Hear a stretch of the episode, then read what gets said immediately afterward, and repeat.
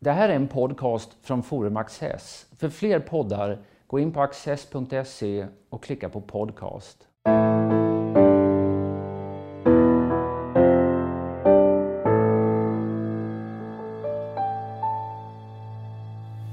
Välkomna till Studio Access. Eh, idag sitter jag och min gäst i ett rum på Stanford-universitetet eh, några mil utanför San Francisco i Kalifornien. Vi är i hjärtat av Silicon Valley. Kjell A Nordström, du är doktor i internationellt företagande, följer inte minst den här teknikvärlden med stort intresse. Är, vi, är det här fortfarande internetvärldens bultande hjärta? Denna dag är det absolut eh, hjärtpunkten fortfarande. Eh, vi har ju sett eh, mycket aktivitet i många länder, inte minst Sverige, som tillämpar en del av den teknik som utvecklas här i Kalifornien, i Palo Alto. Vi har sett kinesiska företag som har tagit stora språng på ett antal områden. Alibaba och andra som eh, de flesta av oss känner till. Men det är teknik fortfarande som är utvecklad här som tillämpas i andra miljöer. Så när det gäller innovation, grundläggande innovationer och det som ibland kallas för invention på engelska, det som är disruptivt, kommer det härifrån. Mm.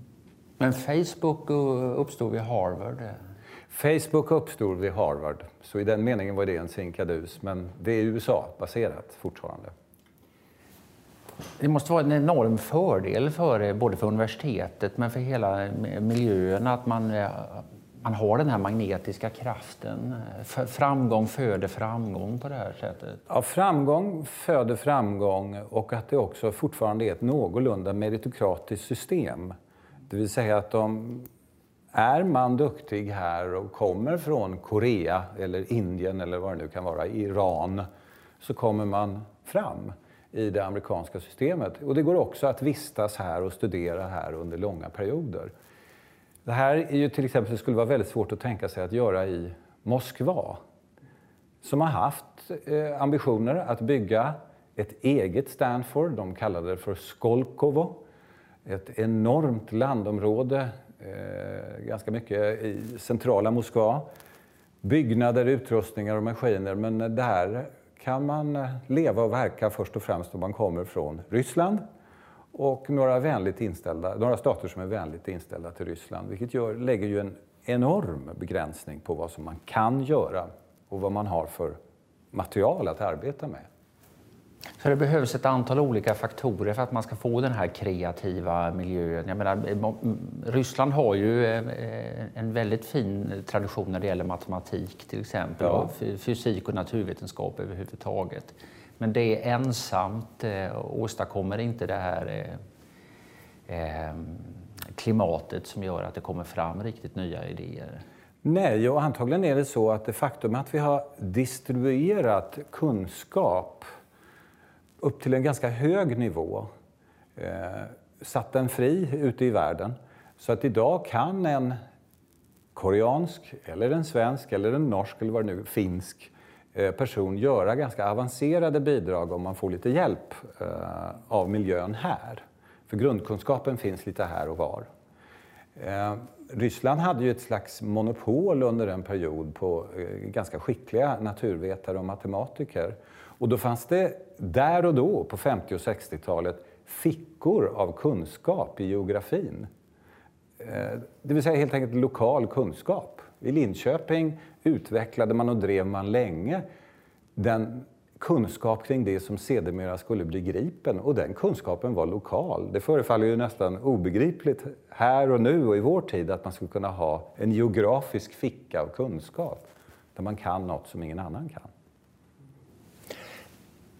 Teknik har ju kommit, eh, den här IT-tekniken, det har ju kommit att bli väldigt förknippat med eh, internet. Internet kan man säga uppstod inte ja, i alla fall inte bara i Silicon Valley utan i en annan kontext. Men det hade för militär säkerhet från början. Ja. Men det var här man satte en civil snurr på det. Ja. Eh, här finns ju eh, forskningsorganisationer i USA som är kopplade framförallt till militären och som finansierar grundforskning. Eh, som är oerhört kostsam och experimentell till sin natur. Och där ville man alltså utveckla ett eh, atombombsäkert kommunik eh, kommunikationssystem. Det vill säga även om man bombade en nod i systemet, säg Austin, Texas, gud förbjude, bombas så söker sig informationen ändå fram till eh, den punkten ska därför att man har kopplat ihop alla noder med alla och det känner vi idag som internet. Mm. Ja, här kom de civila tillämpningarna och de kom ju väldigt tidigt. Och till oss andra kan man väl säga att internet kom 1994. Och det är när Netscape kommer som är den första webbläsaren, som vi säger på svenska, som gör internet lite vänligt att umgås med. Man kunde klicka och peka och hämta på ett väldigt enkelt och intuitivt sätt. Internet hade ju funnits innan och använts i universitetsmiljö men krävde då nästan att man var specialintresserad för att man skulle kunna trivas med det. Men 94 startade den utveckling som vi nu upplever att internet är. Så 94 så är det, det är knappt 25 eh, år sedan. Ja. Och, på, och på tiden sedan dess så har då ett antal bolag eh, utvecklats som nu betraktas som eh, världs, eh, dels världsledande men också som eh, mycket starka makthavare. Ja. Och det förs i allt högre grad en diskussion om dem som påminner om diskussionen om de stora olje och eh, järnvägsbolagen i slutet av 1800-talet. Ja. Att de är för stora, de har fått för mycket makt. Är de ett etablissemang som behöver tuktas, eh, tycker du? Alla bolag som kommer upp i marknadsandelar på 80, 90, 95 procent oaktat verksamhet behöver tuktas. Och detta har vi gått igenom ett antal gånger. Eh, vi är här i Silicon Valley i USA. Eh, man bröt upp telefonsystem här som blev för dominanta. Man bröt upp oljebolag, Standard Oil, som blev för dominanta. Eh, nu har vi Facebook och Google som med de siffror som finns tillgängliga idag indikerar att 90 procent plus, lite mer än 90 procent, av den annonsering som görs i mobiltelefoner går via Google eller Facebook. Det vill säga nu börjar vi komma upp i, i procenttal som gör att varningsklockorna börjar ringa. De blir för dominanta. Det är den ekonomiska sidan av saken men sen, och sen finns också en sorts eh, samhällelig, eh, diskursiv eh, eh, sak som är Facebooks framför, framförallt makt över det offentliga samtalet. Ja. Och där har vi ju just nu, och inte minst i de utredningar som görs här i USA, i den här Muller-utredningen, kunnat börja förstå att för en mycket ringa penning kan man alltså köpa annonsutrymme på Facebook, och där eh, presentera både det ena och det andra. För det är väldigt små summor vi pratar om för att få en stor spridning. Det andra är ju naturligtvis att eh, eh, simulera en identitet som påstår sig ha mm, information av olika slag och som påstår sig känna till saker som människor inte känner till. Och det är ganska lätt rent tekniskt att konstruera sådana här alternativa proxys då, som det kallas, eller alternativa identiteter. Och figurerar på Facebook sprida rykten, påståenden, utsagor. Eh, och det är ju det som man kallar här för en unintended side effect. Det här tror jag inte Facebook själva förstod förrän det var ett faktum. Mm. Men det är klart att detta har blivit en klubba i handen på de som vill eh, ja, tukta dem, eh, de här Absolut. bolagen. De själva säger väl ungefär att ja, låt vara, man ska, är man stor och mäktig får man räkna med att bli tuktad. Men det behöver inte staten bry sig om utan när som helst kan det dyka upp en konkurrent eh, som står för det här tuktandet. Så lämna oss i fred eh, eh, tills den dagen kommer. Ja, det är vad de säger. De har ett uttryck här då där de säger att we are one click away uh, from being irrelevant. Det vill säga att det behövs bara ett enda litet klick. Att vi ändrar lite hur fingrarna går på tangentbordet eller på skärmen och gör andra val via användare då av Facebook eller Google eller vad det nu kan vara. Man ska inte glömma att de här föddes ju själva på det sättet. Mycket hastigt och lustigt eh, dök de upp och tog en plats i tillvaron på bara ett ringa antal år. Och hade rivaler som nu är så tuktade att vi inte kommer ihåg vad de heter längre. De är tuktade till döds. Ja. Altavista och andra som vi, eh, många av oss säkert eh, använde där och då. Sökmotorer i det här fallet. Och nu är Google totalt dominant. Så de har i sin egen historia så att säga, en, en hög medvetenhet om att teknologi utvecklas nu med en sån hastighet att de inte själva kan räkna med att vara dominanta så länge. Nej, det där tänkte jag vi skulle prata lite mer om. Då. Det, finns, eh, ja, det finns ett regleringshot om man så vill, eller en möjlighet. Eh, det finns en marknadsmöjlighet mm. Eh, att förändra deras position. Men de möter nu också ny teknik. Ja som, eh, som kan ställa saker och ting på ända. Och då tänker jag på det här som kallas för blockkedjeteknik som du har eh, intresserat dig för. Vad är det? Vad talar vi om? Ja, vad är det? Ja. Ehm, de allra flesta idag eh, runt om i världen, även barn av någon anledning, känner till vad bitcoin är för någonting. Och bitcoin är då en elektronisk slags valuta, men det är naturligtvis inte en valuta för det finns ingen centralbank. Så låt oss kalla det att det är värde. Så som vi har, de flesta av oss överenskommit att guld har ett värde, men det är ju inte en valuta. Och det finns ingen centralbank bakom guld heller. Ehm, och det har bara ett värde därför att vi har så att säga, en generell överenskommelse om att guld har ett värde. Och det finns inte så mycket guld. Och vi använder det inte heller i några större industriella sammanhang. Ehm, guld är verkligen i den meningen en social konstruktion som det sägs i andra eh, sammanhang. Hur som helst, eh, 2009 eh, kommer eh, bitcoin som en konsekvens av en eh, text eh, som publiceras efter finanskrisen. Publicisten kallar sig för Satoshi Nakamoto. Och denne Satoshi Nakamoto vet man än idag inte om han om vederbörande finns. existerar? Nej. Man vet inte om han finns, om det är en person, om det är en grupp, vad det är för nationalitet. Man vet inte vem denna person är. Han eller hon eller gruppen har inte gett sig till känna. Man har försökt spåra den här personen på många sätt. I det här pappret, det är en vetenskaplig text slags, beskrivs hur man skulle kunna skapa en valuta utan centralbank och utan banker. Och för att göra det så hittar han på en, eh, ett system som då kallas för blockchain som då ska möjliggöra att man kan skicka värde fram och tillbaks mellan varandra utan någon bank, utan någon tredje part. Det vill säga... Men levererade han både pappret, alltså den teoretiska idén, och tekniken? Ja. Mm. Han levererar både pappret och tekniken och sätter själv igång maskineriet kring bitcoin. Så han lägger urblocket i blockkedjan, det som nu reser vidare in i framtiden.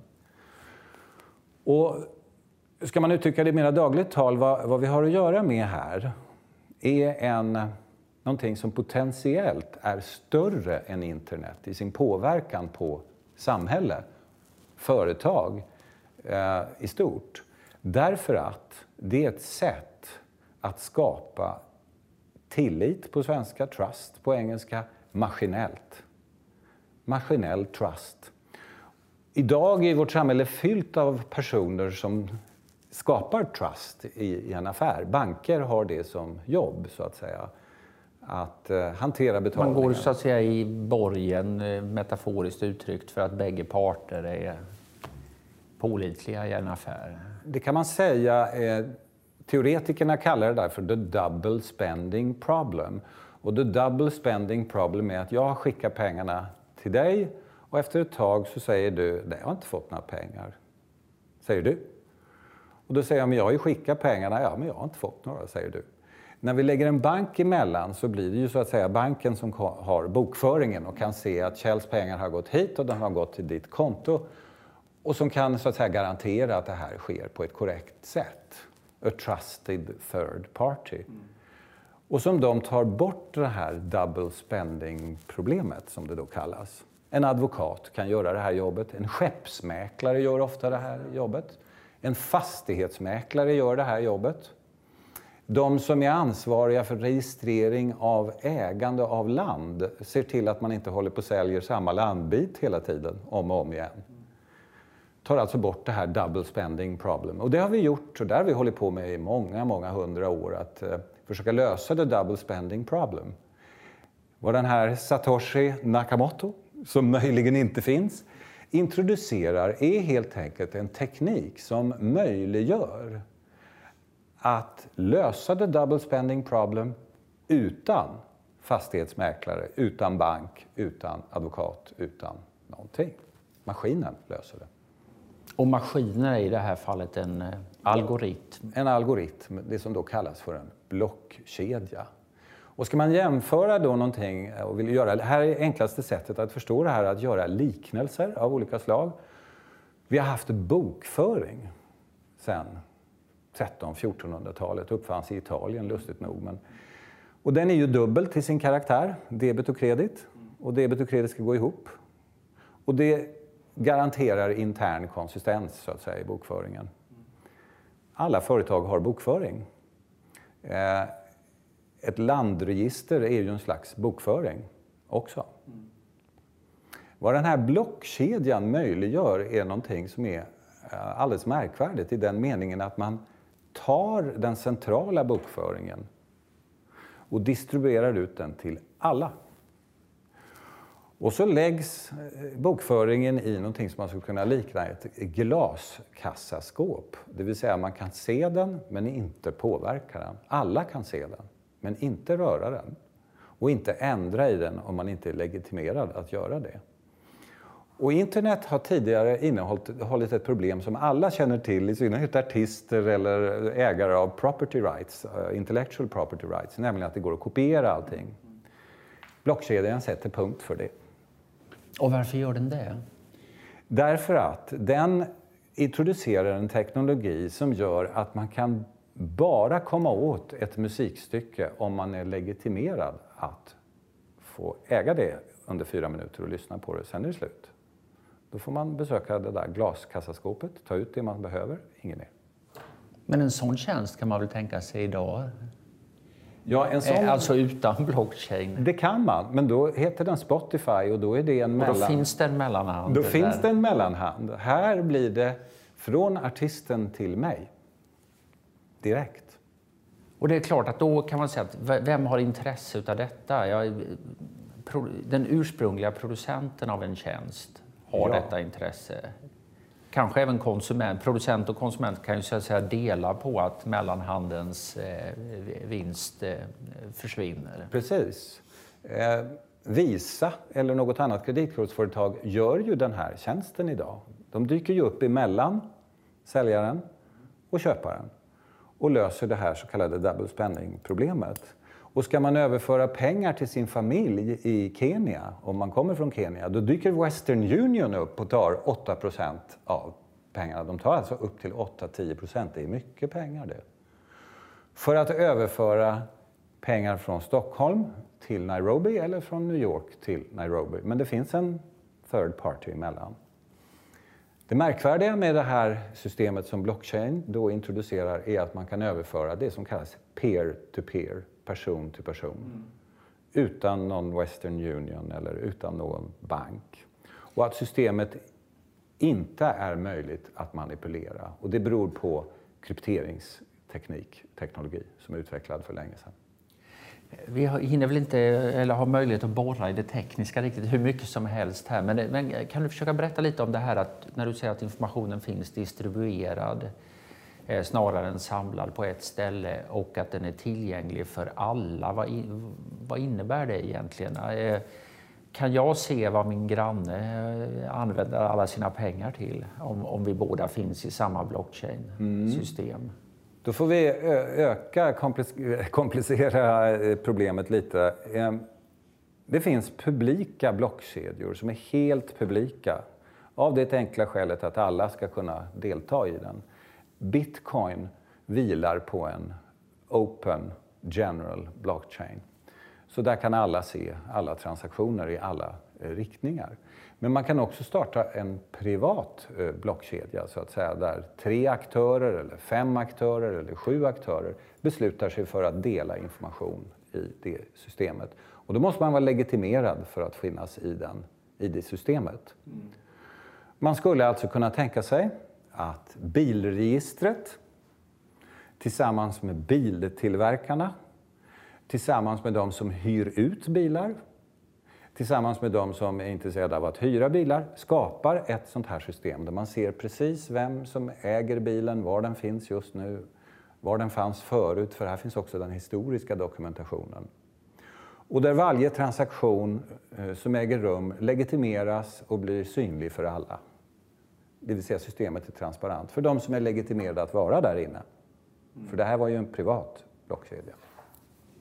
Men i den offentliga som bitcoin till exempel, där är, eh, man kan se alla transaktioner. Eh, men man ser inte nödvändigtvis vem det är som utför dem. Nej. Eller man ser att det är ett konto som gör det, men man vet inte vem som finns bakom detta konto. Man vet inte om det är du eller jag som har kontot. Men det går däremot att se vad kontot har gjort för transaktioner. Och då har ju naturligtvis, eh, eftersom bitcoin tidigt kommer att användas i, i eh, grå och inte bara grå utan svarta sammanhang, eh, så har det kommit en konkurrent till bitcoin som löser det här och som har minskat transparensen eh, för de som har sådana intressen. Det finns idag angivligen uppemot 700 sådana här konkurrerande eh, valutor. Men blockchain är ett att jämföra med ett operativsystem i datorn. Och bitcoin är bara ett litet program. Jag tänkte just det, för att när man talar om blockchain då kommer man ofelbart rakt in i den här bitcoin-diskussionen ja. och ska man spekulera i det och, och så vidare. Ehm, men du menar att den här tekniken är omvälvande på ett sätt som ännu mer än vad själva internet har varit? Potentiellt är den mer. Varför är den det? Därför att så mycket av ett kapitalistiskt system eller marknadsekonomiskt system och nu, jag tror att vi är 194 länder på jordens yta ungefär, eller 193, har alla valt någon form av marknadsekonomi utom Nordkorea. Ehm, och i alla de här sammanhangen när vi ska göra affär finns det ett tillitsproblem som ska lösas. Ehm, pengarna först eller bilen först? Nej, jag vill ha bilen. Nej, jag vill ha pengarna. Det finns ett tillitsproblem i liten som stor affär. Och vad den här blockkedjan ställer i utsikt är att alla de här eh, aktörerna som har funnits och uppstått för att skapa tillit kan nu ersättas med maskinkraft. Och det är ju mycket stora mängder av organisationer och personer som idag sitter och jobbar med tillit. Försäkringsbolag, tillit. Bank, tillit. Advokatfirmor, tillit. Eh, financial institutions in general, tillit. Och här kommer nu ett maskinellt substitut, så att säga. Om man tänker så här, jag, jag, jag, jag, tycker det är ganska eh, lätt att se användningen när det gäller till exempel rent finansiella transaktioner. Mm. Eh, även så här markregistreringar och sånt här. Eh, men om man tänker sig den här bilaffären du talar om, det är ju betalningen för bilen, det är så att säga en händelse. Mm. Men överlämnandet av bilen är ju, är ju en helt annan sorts händelse. Fysiskt? Ja. Och bitcoin löser inte gärna, du, betalningen kan eh, ske, men, men hur försäkrar jag mig om att bilen lämnas över? På vilket sätt skiljer sig bitcoin därvidlag ifrån internet eller telefon eller samtal man och man emellan? Eh, ja, eh, eh, de här algoritmerna är uppbyggda på ett sådant sätt att leverans och pengar möter varandra så att säga och kan inte äga rum om någon bryter kontraktet. Det är därför som man inte behöver den här third party in between.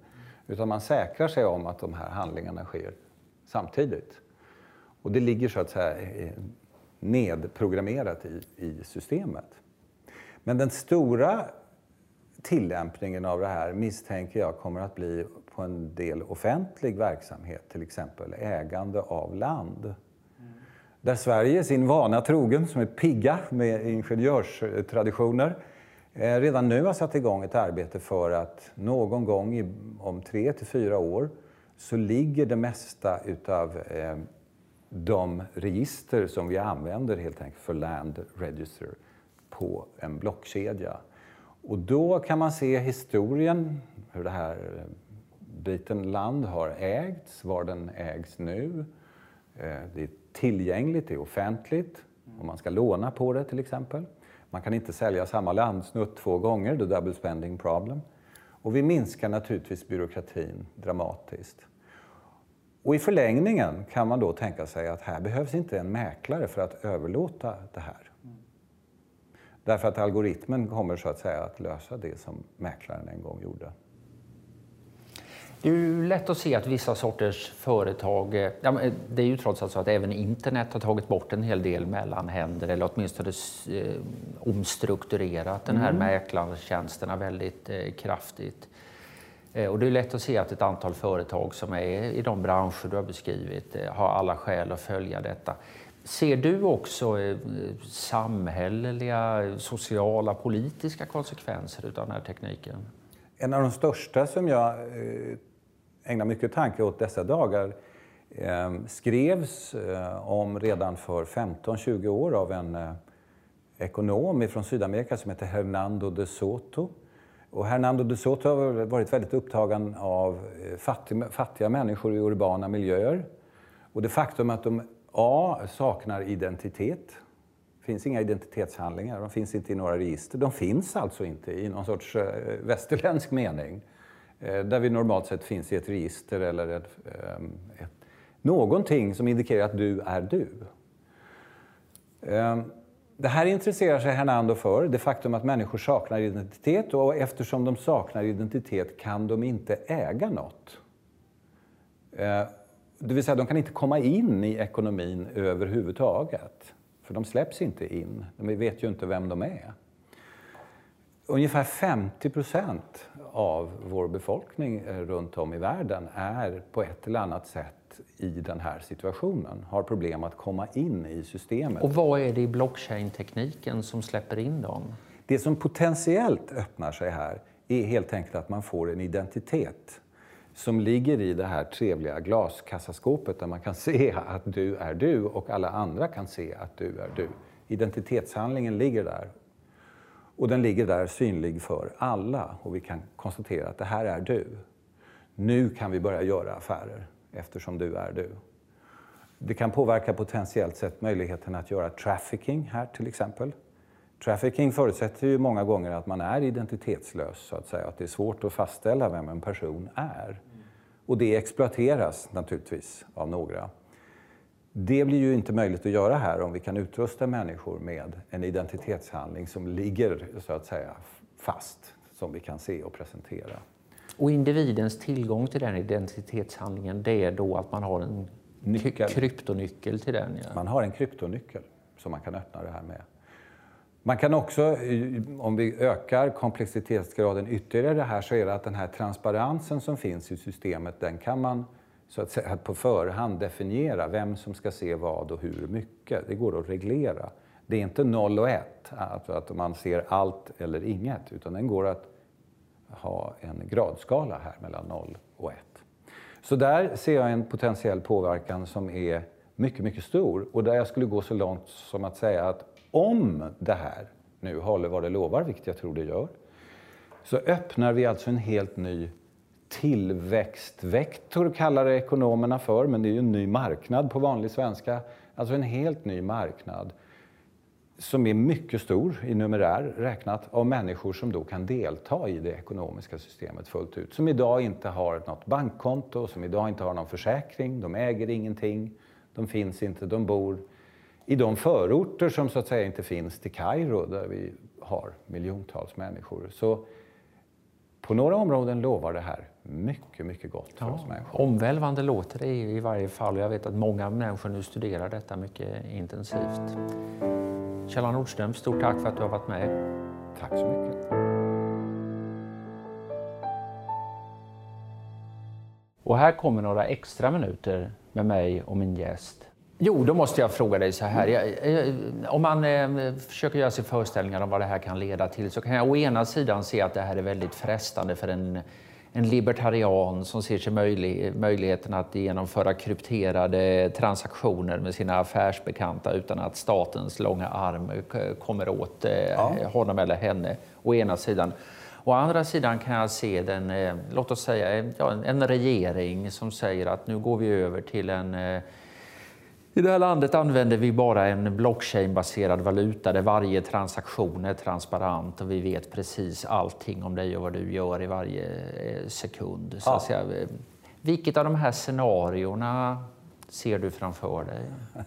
Just nu har de glada libertarianerna dykt upp ungefär på samma sätt som de gjorde när internet föddes. Det här kommer nog eh, många ihåg än idag hur internet sågs på som en slags befrielserörelse, nästan Absolut. i någon sorts 1968-anda. Eh, och nu blir det kunskap till alla och fri tillgång till allting, till alla. Och den här fantastiska internetmaskineriet skulle garantera det, så att säga, för alltid.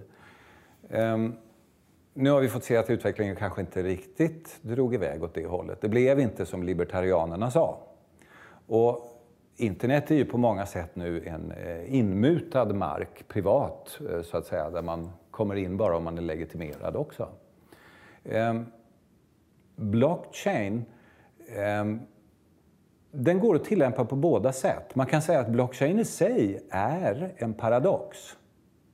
Därför den bygger på den mest, några av de mest avancerade krypteringsteknologierna vi har. Och där är ju syftet att hålla saker hemligt. Men nu används de för att göra saker publikt. Är inte det mycket lustigt hur vi människor ändå är? Ja, det blir ofta så. Det blir ofta så. Det vill säga det vi en gång utvecklade för det hemligaste av det hemliga av det hemliga har vi nu upptäckt att man kan använda till att göra eh, registret över land helt publikt och inte manipulera med. För det är den te gamla teknologin, där, krypteringsteknologin, som möjliggör det här överhuvudtaget. Mm. Men ser du en kapprustning här mellan Hemlighetspartiet och eh, Övervakningspartiet? Ja, jag ser absolut en kapprustning. Centralbankerna följer ju mycket, mycket noga eh, bitcoin nu till exempel. Än så länge är bitcoin så litet så den, den, den flyger under radarn. Det är inte tillräckligt stora värden som omsätts för att en centralbank skulle agera nu på grund av att det rör sig så stora värden. För det gör det inte. Däremot är det så att teknologin i sig möjliggör ju att det kan komma en ny valuta eller andra tillämpningar. Som då ja, finns det 700 olika så kanske någon av dem ändå visar sig vara eh, livskraftig. Precis. Det här är ju tusen blommor så att säga med avseende på innovation. Så att eh, banker följer det, Nasdaq följer det, eh, regeringar har anledningar att följa det och gör det.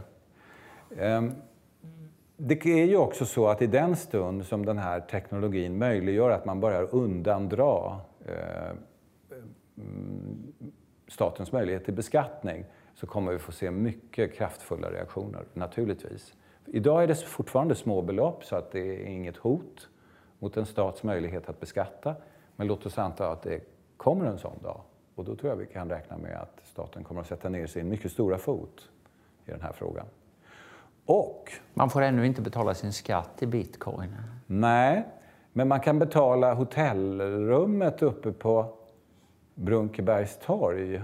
At Six heter hotellet eller Hobo med bitcoin. Några hotell har erbjuder det här idag. Eh, och då börjar vi komma nära någonting som staten naturligtvis kommer att intressera sig för. Det vill säga att erbjudanden som finns i det dagliga livet går via det här systemet där staten inte har full insyn och kontroll. Nu säger Skattemyndigheten i Sverige att 2017 eh, kommer de att gå till rätta med de personer som har köpt och sålt bitcoin i Sverige och beskatta dem för eventuella vinster. Men de har också valt att inte tala om hur de har kommit över den här informationen. Ja, det låter mycket intressant. Vet, vet vi att de har den? De säger sig ha den. Men de delar inte med sig hur de har kommit över den informationen. Nej, för det lät ju tidigare som att slutanvändaren ändå inte var känd eh, i systemet. Ja, men de går nog inte... De kan inte se in... Eh, de är inte telepatiska på Skattemyndigheten så de kommer inte åt det som är inne i bitcoins värld och blockkedjan och vad det nu kan vara. Men däremot är det ju så att det äger rum växlingar. Man måste ju växla en dag till bitcoin eller från bitcoin. Och det är än så länge ett slags växlingskontor man måste gå till mm, som finns i cyber eller som finns rent fysiskt. Och där kan man mycket väl tänka sig att Fiskus är och eh, gör besök. Det vill säga växlingen är det kritiska och det är den jag tror de har eh, studerat. Men det bekräftar de inte, de dementerar inte heller. Blott två ting är att säkra, döden och skatterna. Exakt. Ja, även i internetvärlden på det 21 århundradet. Stort tack Kjell. Tack så mycket.